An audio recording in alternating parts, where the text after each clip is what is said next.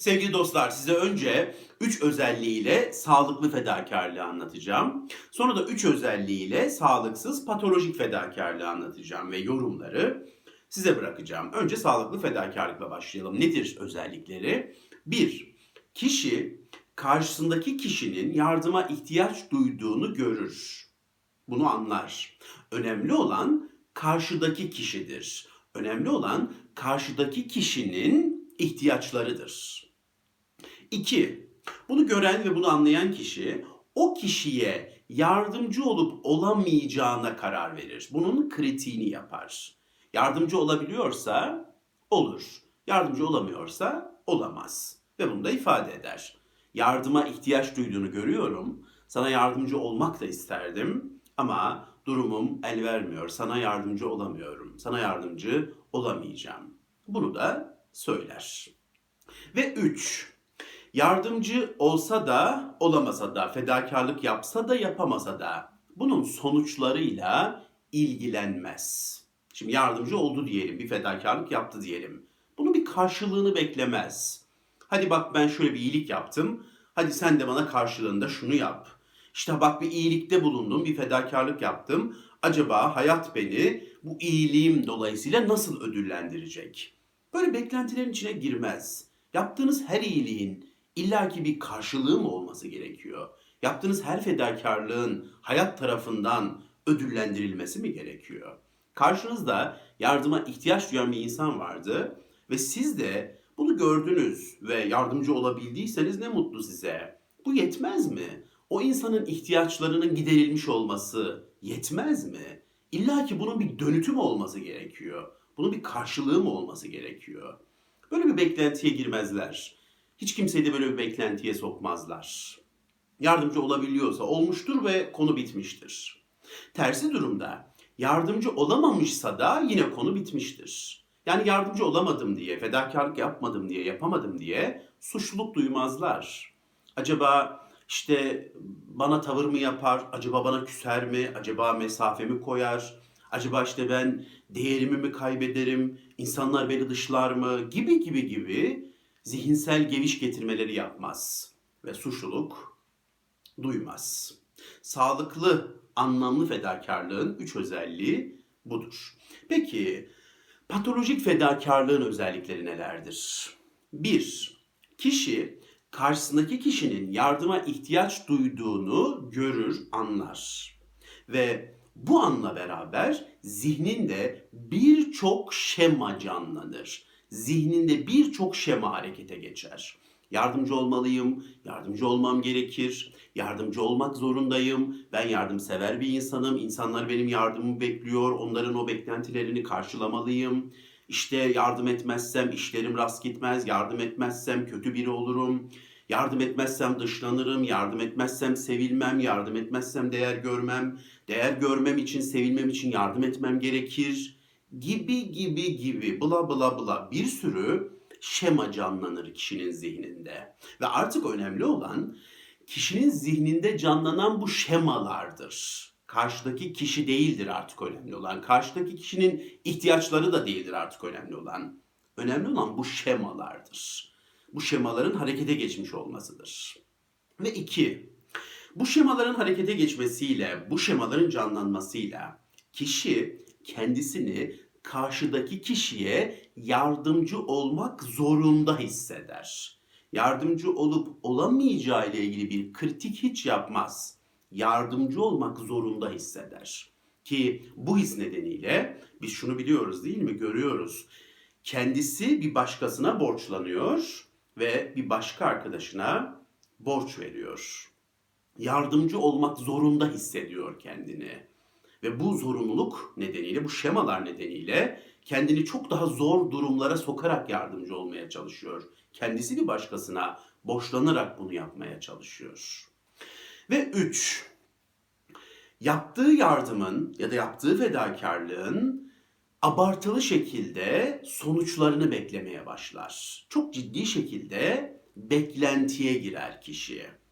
Gerek o iyiliği yaptığı, fedakarlığı yaptığı kişilerden gerekse hayattan. İşte iyilik yapmıştır ve onun karşılığını beklemeye başlar. Hayatın onu ödüllendireceğini düşünür. o iyiliğin ona hep iyiliklerle geri döneceğiyle ilgili bir beklenti içine girmeye başlar. Ya da iyilik yaptığı o kişilerden beklenti içindedir. Daha çok sevilmeyi bekler. Daha çok değer görmeyi bekler. Daha çok onaylanmayı bekler. Daha çok baş tacı edilmeyi bekler. Daha çok sarılıp sarılmayı, daha çok kucaklanmayı, daha çok bağırlara basılmayı bekler. Bu şekilde yoğun beklentiler içine girer kişi. Hem o iyiliği yaptığı kişilerden hem de hayattan. Daha önce çektiğim bir videoda söylemiştim. Karşılığını bekleyerek yaptığınız her iyiliğin kölesisiniz demiştim. Aynen böyle bir durum içine girerler. Peki o beklentileri karşılanmazsa ne olur?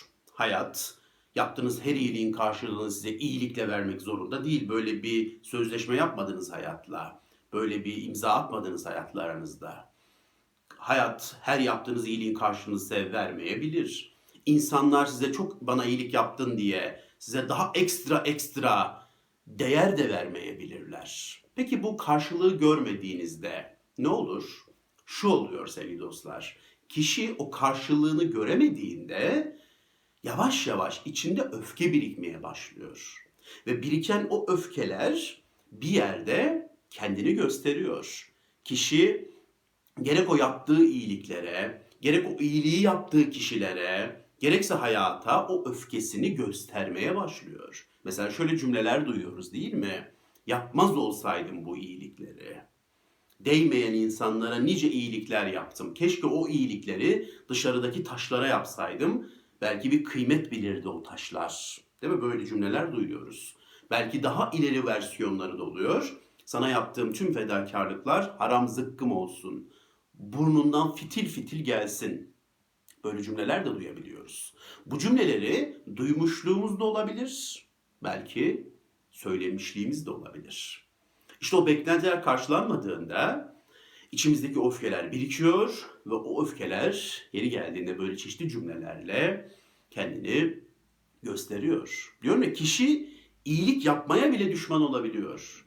Bundan sonra iyilik yapmayacağım diyebiliyor. Böyle bir karar alabiliyor. Çünkü yaptığım hiçbir iyiliğin karşılığını görmedim diyor. Yaptığın iyiliklerin karşılığını göreceğinle ilgili bir mutabakat mı vardı?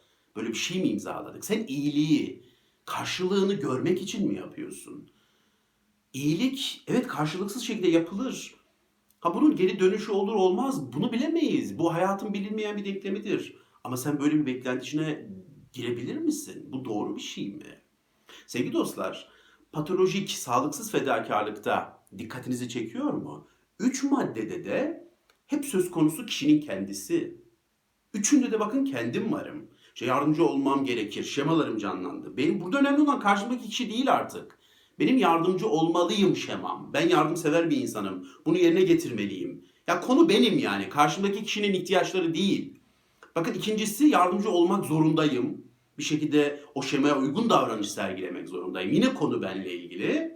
Ve üçüncüsü yardımcı oldum. Hadi bunun karşılığı gelsin. Bana geri dönüşü olsun. Bakın bu da benimle ilgili. Üçü de kişinin kendisiyle ilgili. Patolojik fedakarlıkta bulunan insanları ben şöyle tanımlıyorum. Başkalarına görünürde şifa ama kendilerine görünürde zehir olan insanlar. Bunu yapmayın. Bunu değiştirebilirsiniz.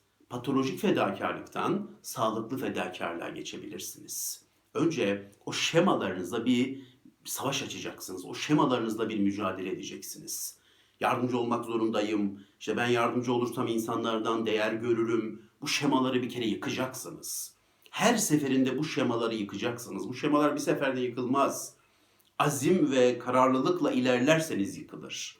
O şemaları yıktıktan sonra tabii ki bakacaksınız bir insanın yardıma ihtiyacı var. Önemli olan burada onun yardıma ihtiyaç duyuyor olması. O kişi. Ben değilim. Şu an önemli olan o. Ve ben bu kişiye yardımcı olabilir miyim? Olabilirsem ne ala, olamazsam da olamam. Ve de bunun bir sonucu yoktur. Ne olumlu ne de olumsuz anlamda. Patolo- Patolojik fedakarlıktan sağlıklı fedakarlığa geçmemiz gerekiyor her birimizin. Bence önemli bir konu. Dinlediğiniz için çok teşekkür ederim. Hoşçakalın.